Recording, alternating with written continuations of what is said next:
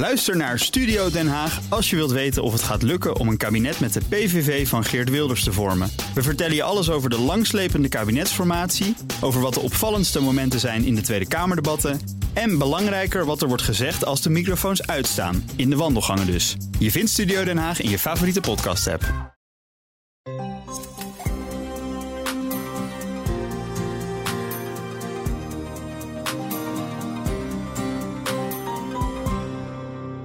Dit is de Carbon Podcast, een podcast van Nieuwsbureau Energia en grenzeloos journalistieke producties. Ik ben Tijdo van der Zee en in tien afleveringen duiken we in de wereld van de CO2-emissierechten. Vandaag gaan we het hebben over handelen op de CO2-beurzen.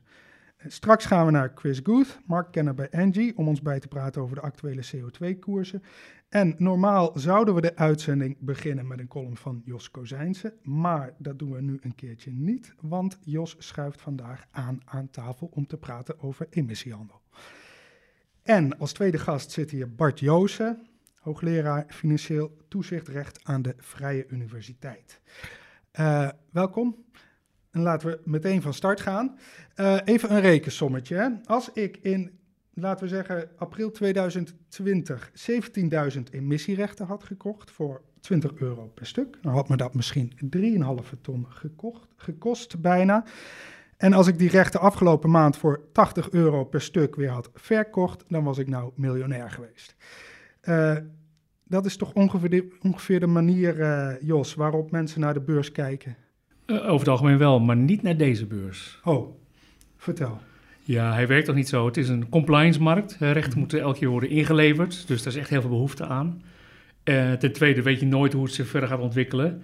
En denk ik dat als iemand die rechten overhoudt een tijdje, dat dat de energiebedrijven zijn. En die uh, gaan ze die nu gewoon toepassen. Dus het werkt een beetje anders. Uh, maar waar zijn er mensen miljonair geworden door de CO2-beurs? Een paar in het begin, maar dat is meer de eerste jaren, de Kyoto-periode nog. Ja, He, zo die eerste jaren van de, he, de eerste fase uh, van, dat, uh, uh, van het systeem, hè, wat toen door de Europese Commissie is gelanceerd. En, en, en toen, um, in die periode inderdaad, is er ook wel een beetje misbruik gemaakt van dat hele systeem. Ja, maar, ja. maar, die, maar dus als ik kijk gewoon van, oké, okay, die koersen zijn explosief gestegen. Goudkoorts, dat is er dus dat is niet helemaal geweest? Of dat nou, je moet het een beetje anders zien. Denk ik. Er zijn een paar handelskantoren die miljoen hebben verdiend, maar dat is aan alle commodities samen eigenlijk. Hè? Mm -hmm. Daar is CO2 een onderdeel ervan. Ik denk dat in de eerste, die eerdere jaren, vanaf 2006, 7, 8 ongeveer, energiehandelaren flink hebben verdiend. En mensen die daarna zelfstandig zijn gegaan ook even. Maar daarna is het flink ingezakt, met name na 2008. Ik kan me nog een vriend herinneren, die uh, ging zelfstandig, die ging handelen, fonds beginnen. Nou, die van zijn veel geld verloren.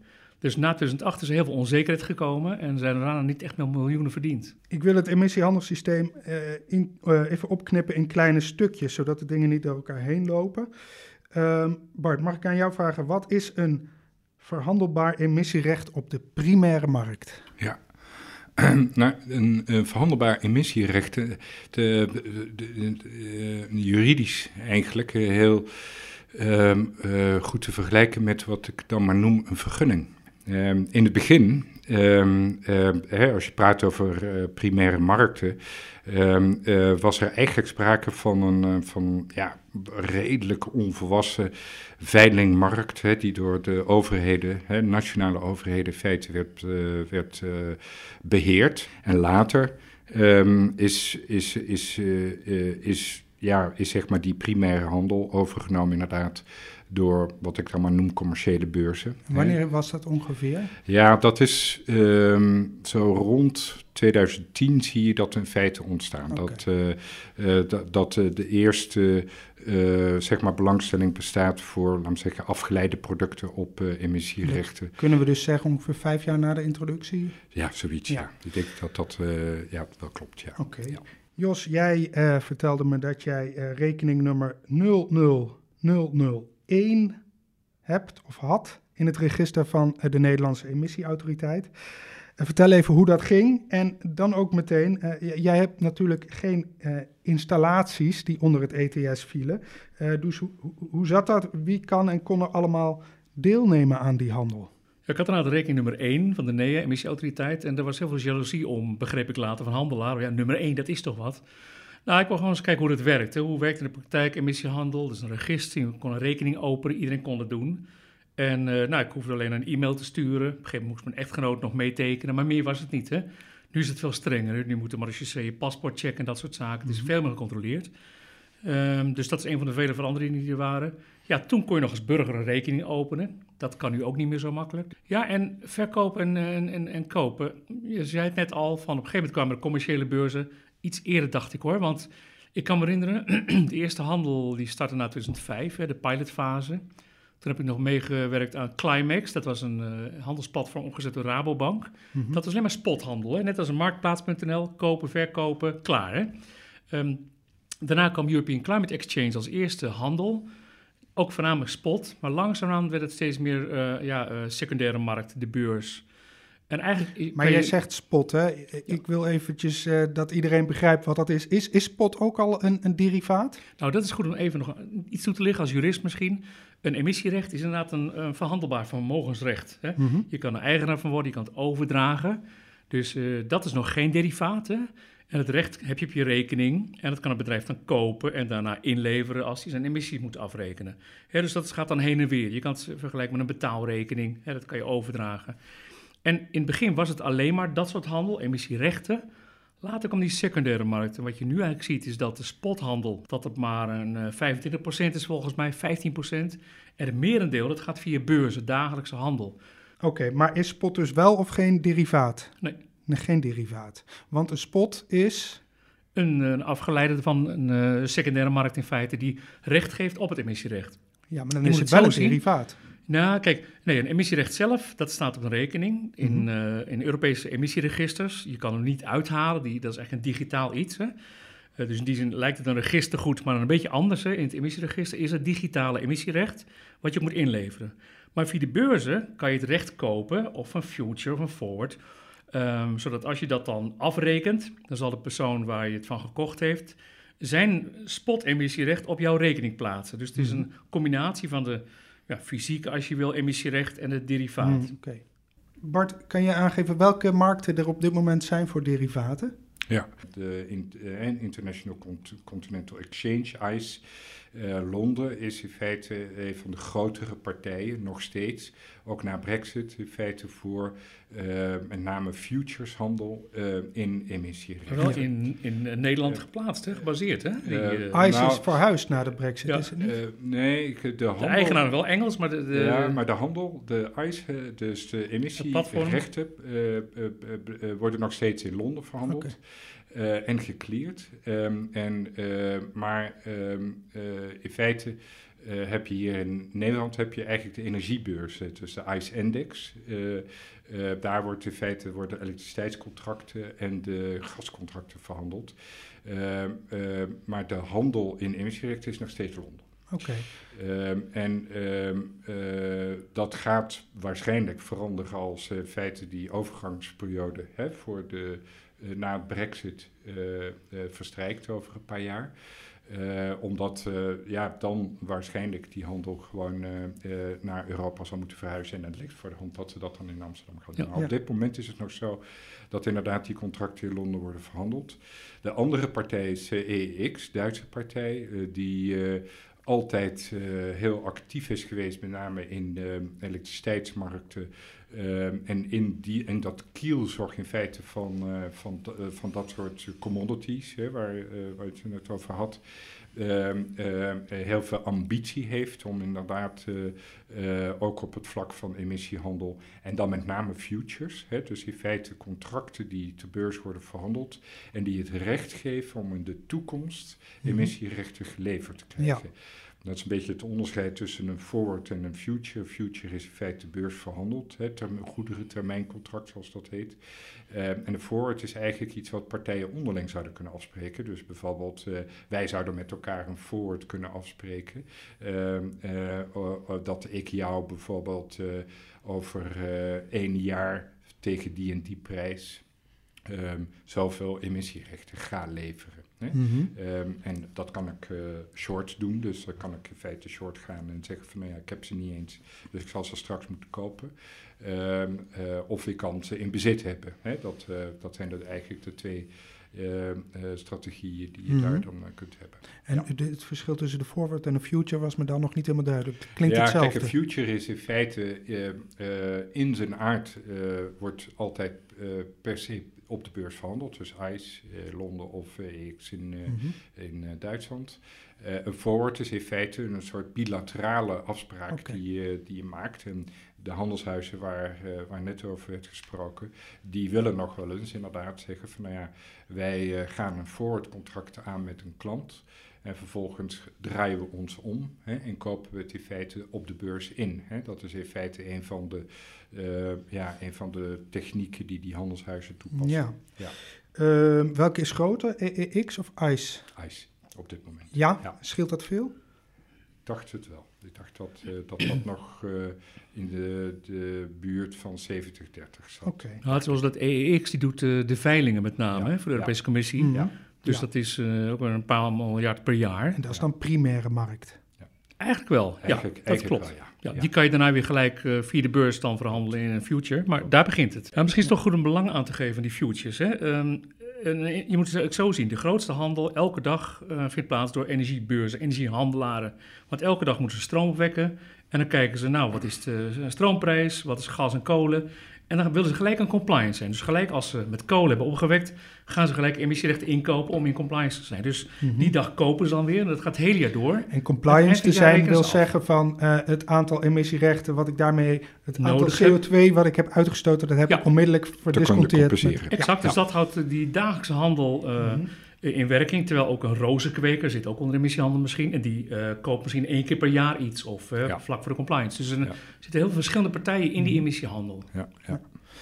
Ehm, die secundaire markten, zijn daar andere regels voor om deel te mogen nemen daaraan dan aan eh, nou, de veiling, hè, waar jij dus eh, eh, eh, nummertje 1 had? Ja, toen waren er nog geen regels. Gewoon overeenkomstenrecht, contractenrecht, that's it. Dat is nu heel erg veranderd. Ja. Ja. Dus als, als je dus inderdaad bij de ICE eh, wil gaan handelen, of de EEX, wat zijn dan de... de Ja, in, in, in, in feite moet je dan beurslid zijn. Hè? Dus dan, eh, dan ben je op dat moment eh, hè, de, eh, ben je, verplicht om, sta je verplicht onder toezicht. Hè? Dus Mhm. dan dan ben je eigenlijk effectenhandelaar eh, eh, met, met vergunning. eh, eh, en tegelijkertijd ook beurslid om in feite te kunnen deelnemen aan de, de handel op de beurs. Ehm, hè, zoals wij als particulieren ook niet rechtstreeks hè, kunnen handelen op de beurs, altijd een tussenpersoon voor nodig hebben, hè, de bank of de broker of wat dan ook. Mhm. Nou, dat werkt bij die eh, emissie, of die futures op de emissierechten in ieder geval op dezelfde manier. Ja, Je had toch iets over het toezicht. Hè? Dat zijn, eh, eh, vroeger was het makkelijk. Hè? Ik had een rekening en ik kocht en verkocht. Er zijn twee dingen eigenlijk veranderd. jij hebt dit dus wel gedaan. Ik, Kopen niet, en ik zou het kunnen doen, hè? Ah. Eh, maar de, de handelaren, vrienden die ik kende, die deden het gewoon zelf. Je kon Mhm. kopen en verkopen van een bedrijf naar een bedrijf. En twee dingen zijn eigenlijk veranderd. Het ene is natuurlijk de beurshandel. Dan moet je gewoon eh, ja, beurslid zijn. Dan heb je daar de clearing. Nou, dat gaat een burger niet zomaar doen. Dus je kan nog steeds als burger wel handelen, maar nu val je toch onder een vergunningssysteem. Hè? De hele eh, keten van koper, verkoper moet nu een vergunning krijgen van de AFM. Dat is het toezicht. Dus twee dingen. En het grappige is dat, ook al hebben we de NEA, de Nederlandse Emissieautoriteit, maar die heeft helemaal geen toezicht op de markt. Hè. Die kijkt alleen naar de emissies, de monitoring. Die had totaal geen interesse in de markt, geen bemoeienis ook mee. Dus dat is veranderd.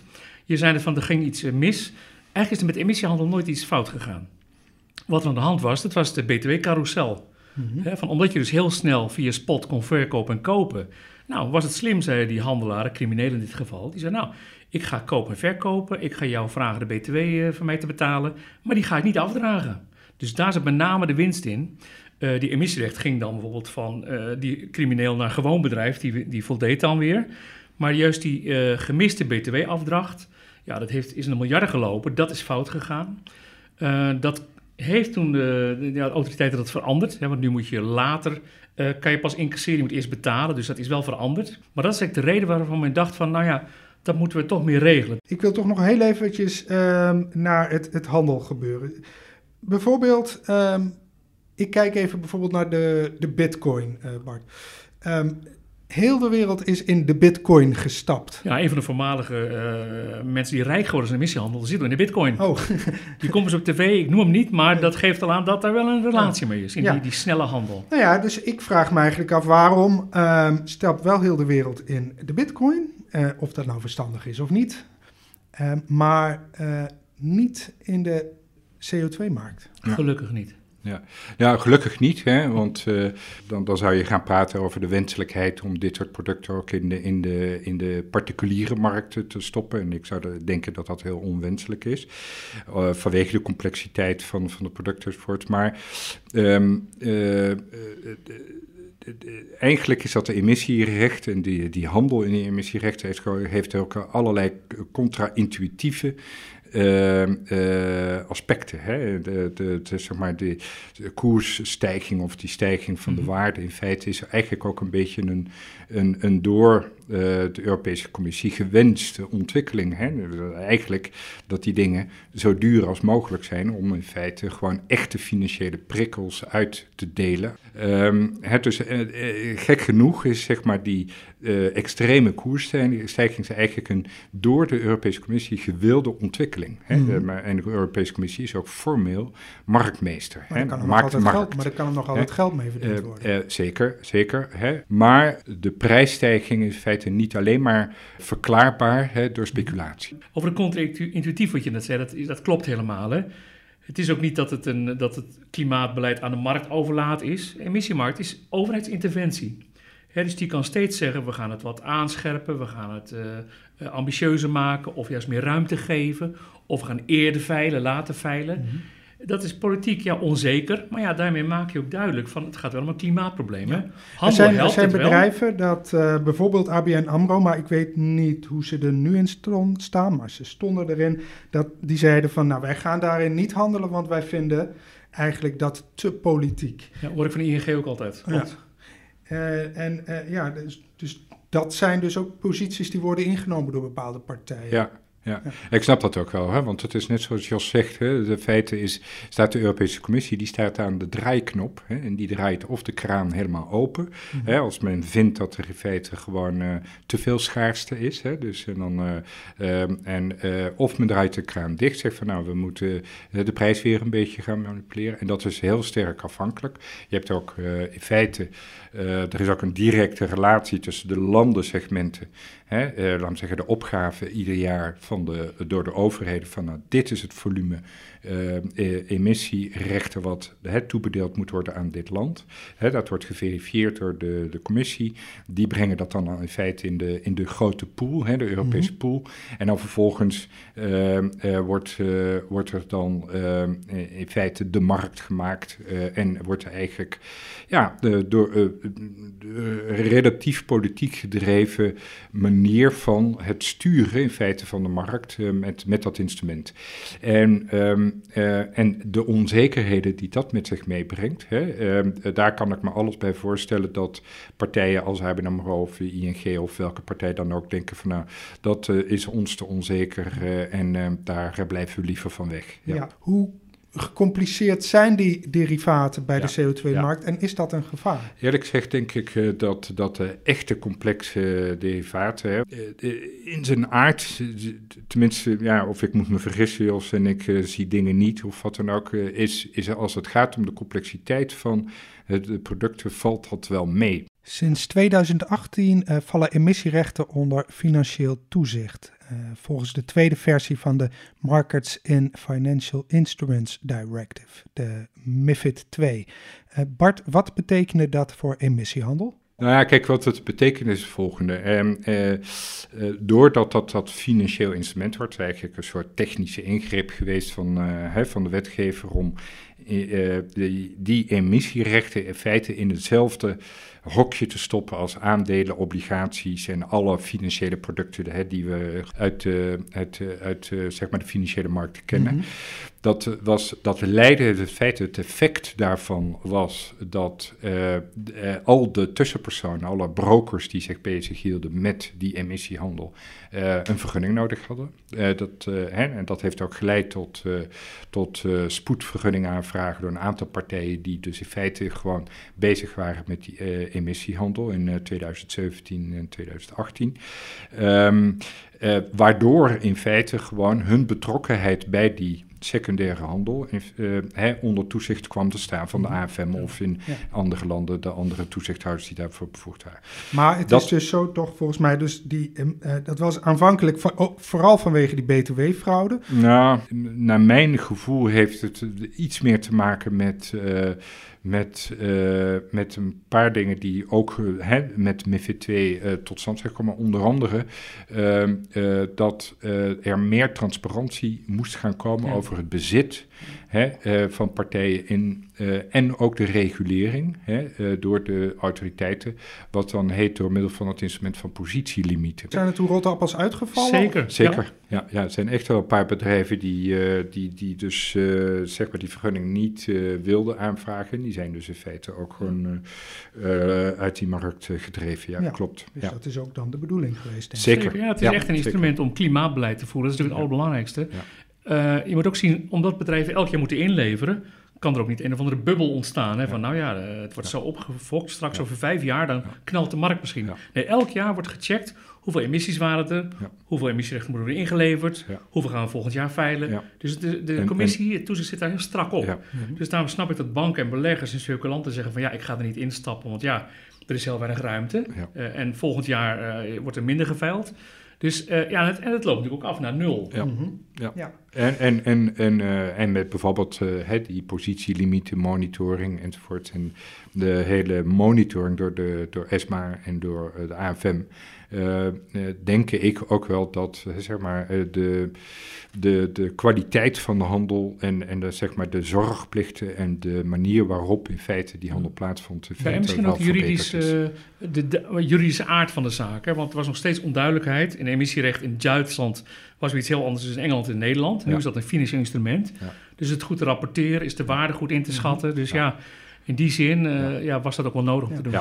Ik zie trouwens toch, want uh, jullie... Uh, ik, ik, proef een beetje dat jullie dat niet helemaal zo zien. Maar ook bijvoorbeeld artikelen in de Wall Street Journal nog begin dit jaar.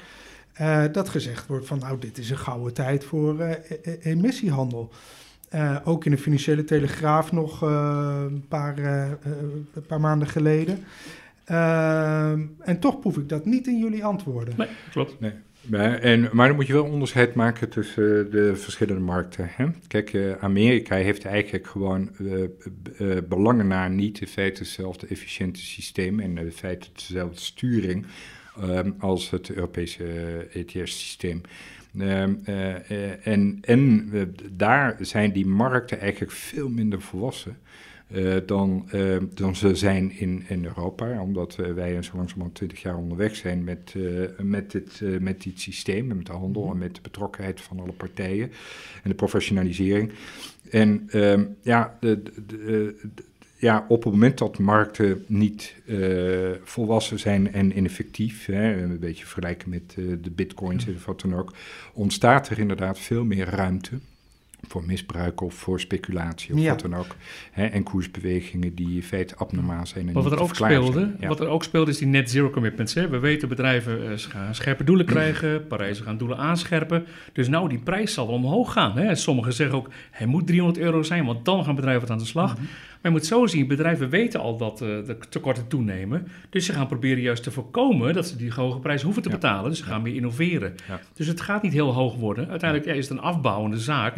En moet er geïnvesteerd worden in de installaties. En dat gaat gebeuren. De ESMA, hè, die heeft, hij is al even de revue gepasseerd, maar heeft van de Europese Commissie vorig jaar de opdracht gekregen om dus te onderzoeken van nou, hoe werkt deze uh, markt. Wat is de rol van speculanten? En de ESMA is eigenlijk de Europese financieel toezichthouder.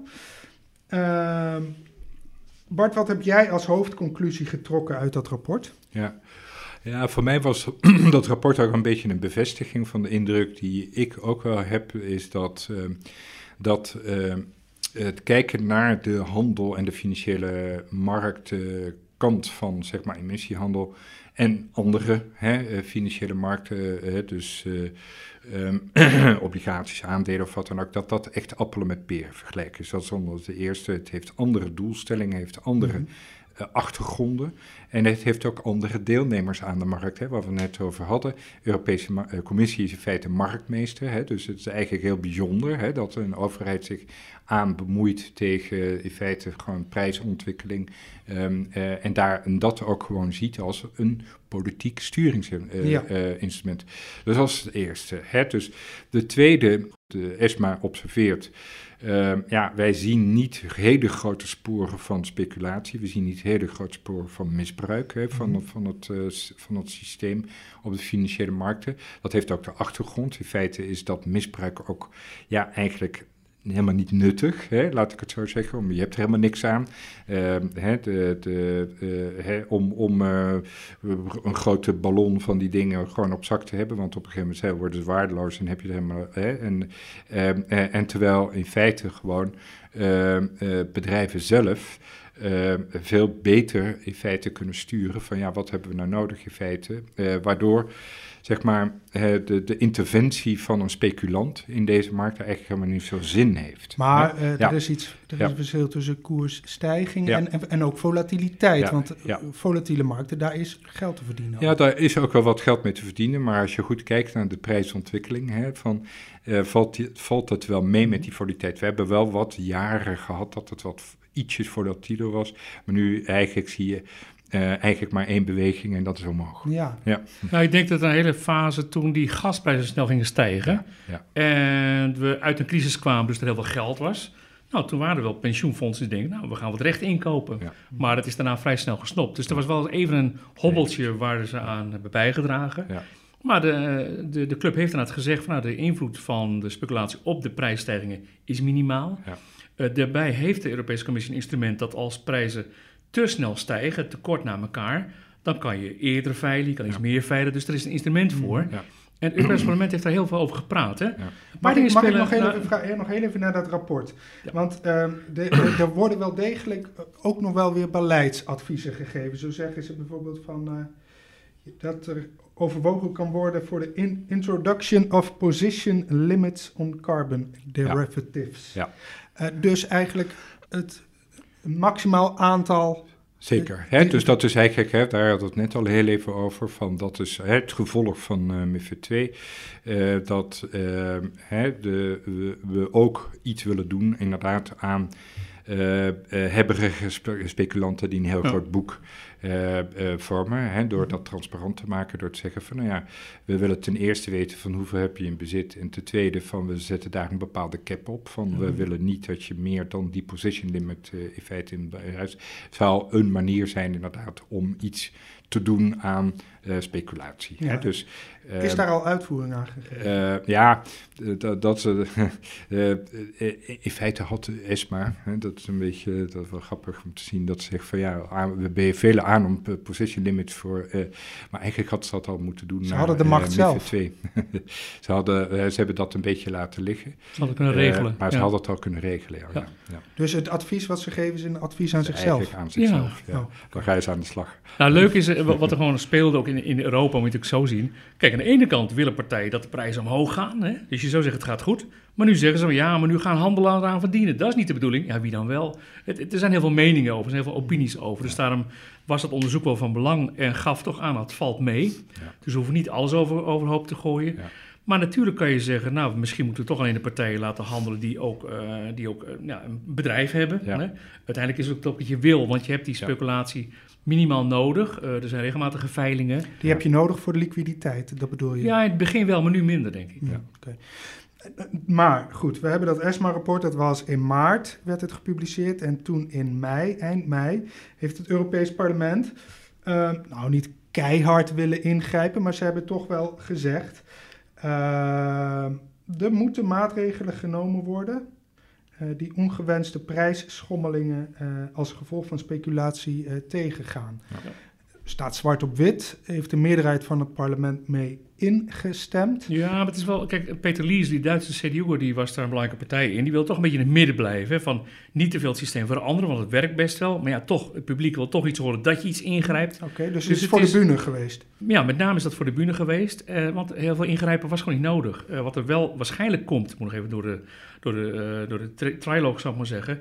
is dat de periode waarbinnen die stijgingen kunnen worden aangepakt iets korter is. Hè? Maar het is maar marginaal, want wat we hebben gezien is dat de afgelopen prijsstijgingen, die voldoen niet eens aan die eis. Dus het valt allemaal nog mee. Dus het is min of meer voor de bühne. Ja, dat is politiek. We zitten nu inderdaad al een tijd op een soort van uh, op een stabiel niveau, hè, rond die 80 euro. Hij is volgens mij net weer, we horen straks nog... Nou, ik, ik had het niet verwacht twee jaar geleden hoor. Twee jaar geleden niet? Nee. Nee, maar het is nu uh, misschien kan je profiteren van prijsschommelingen, maar het is misschien niet is meer zo. Nee, het is nu weer dus, nieuw normaal. Dat en, denk ik ook. Gaat dat invloed hebben op de manier waarop handelaren, speculanten uh, uh, de markt benaderen? Het is nu weer. Kijk, het is net met die btw-verhogingen, prijsstijging. Op een gegeven moment wen je eraan. Dus nu weet men, nou, die prijs is rond de 70, 60 euro per ton. Dat moet dan maar. Hè, er is veel meer energiebesparingen ingezet. Dus ja, het is een onderdeel van het totaalpakket. Ik zie het niet meer zoveel uh, dalen, eerder stijgen door de aanscherping. Maar ik had twee geleden dit prijsniveau niet verwacht. Maar dat nee. geldt, dat, dat ben, geldt met alle commodities zo. Ja, daar ben ik echt met je eens. En inderdaad, uh, nou ja, even los van elektriciteit, gas enzovoort. Dat heeft natuurlijk een beetje een achtergrond. Maar met name deze prijs, dit prijsniveau ik denk inderdaad dat het toch nog naar omhoog gaat. Dus dat, het, uh, dat heeft te maken met dat, nogmaals, dat marktmechanisme. Dat de bedoeling is dat er meer schaarste komt. Mm -hmm. en uiteindelijk dat het helemaal naar nul wordt teruggebracht, in feite. Uh, um, um, maar um, ja, ik denk niet dat het zo'n scherpe stijging zal zijn als, uh, als we hebben gezien inderdaad de afgelopen jaar, anderhalf jaar. Ja. Nee. maar de, de handelaren die er nu zitten, die zullen er gewoon rustigjes blijven? Of ja, zullen die weer de markt weer verlaten? En, en, en eerlijk gezegd, ja, maar niet dat... Uh, ergens vervullen die handelaren ook wel best nuttige functies. Hè? In, uh, in het, uh, in het ja, een beetje gladstrijken van... Uh, van, uh, van, van het systeem. Hè, en zorgen dat inderdaad uh, hè, ondernemingen die moeten voldoen aan, aan, aan die compliance verplichtingen in feite ook een beetje geholpen worden om dat in feite te kunnen realiseren. Ik, ik ben niet zo'n hele grote tegenstander van de betrokkenheid van die partijen bij die, uh, bij die handel, omdat ik denk dat dat ook wel nuttige functies kan uh, vervullen. Um, de nuttige functie is? De nuttige functie is om in feite niet-professionele ondernemingen, die in feite gewoon uiteindelijk uh, toch aan die compliance-verplichtingen moeten voldoen, hè, uh, 30 april.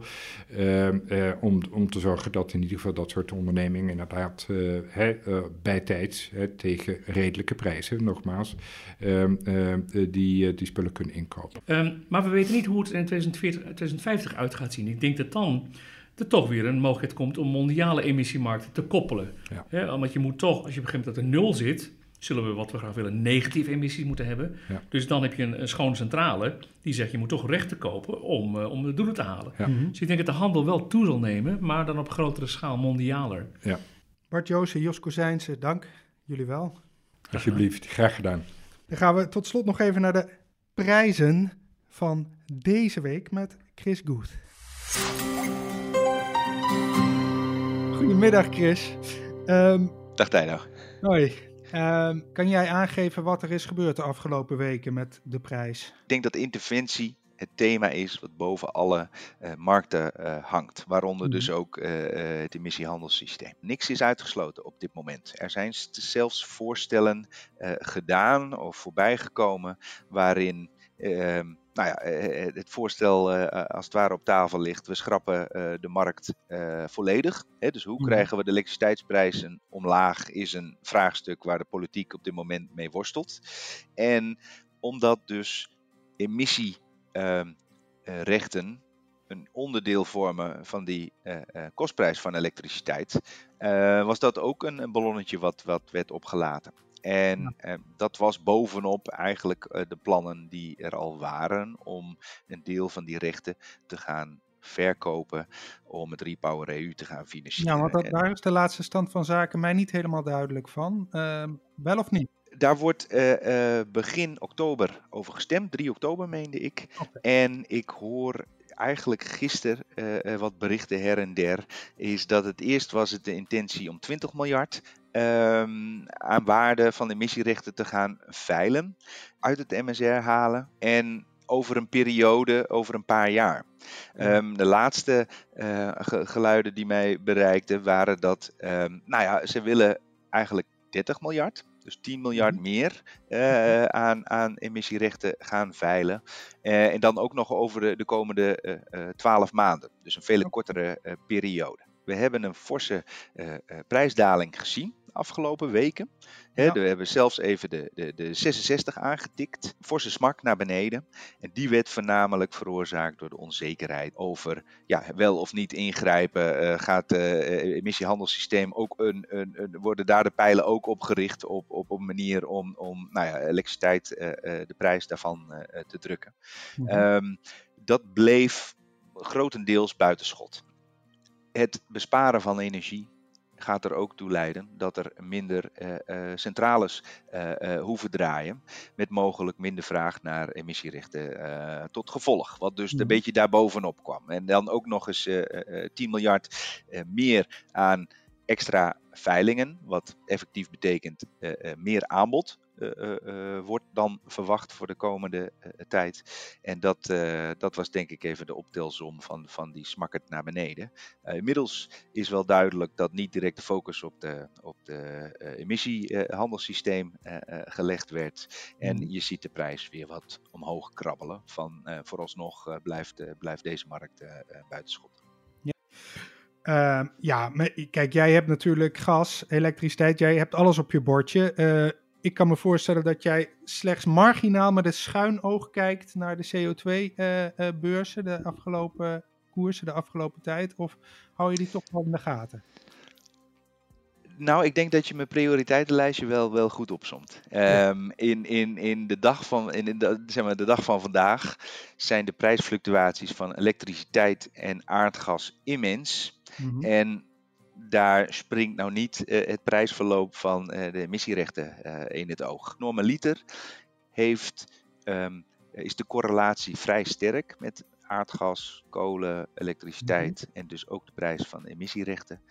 maar die is de laatste tijd wel, wel aardig zoek. De markt acteert niet meer naar die fundamenten zoals we dat gewend zijn geraakt de afgelopen acht jaren. Dankjewel Chris. Geen dank Tijdo. Dat was het voor deze keer. In de volgende aflevering, die woensdag 12 oktober online komt, gaat het over de Brexit.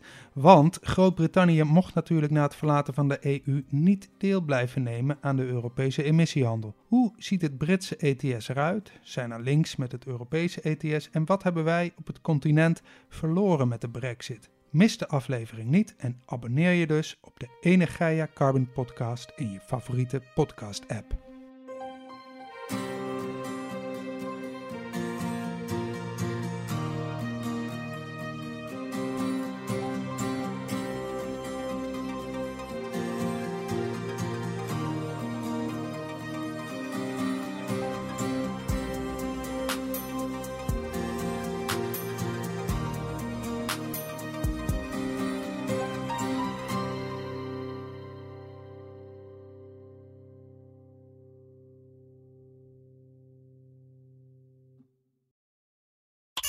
Thomas van Zeil vind je in de BNR-app. Je kunt live naar mij luisteren in Zaken doen. De BNR-app met breaking news, het laatste zakelijke nieuws... en je vindt er alle BNR-podcasts, bijvoorbeeld Het Nieuwe Geld. Download nu de gratis BNR-app en blijf scherp.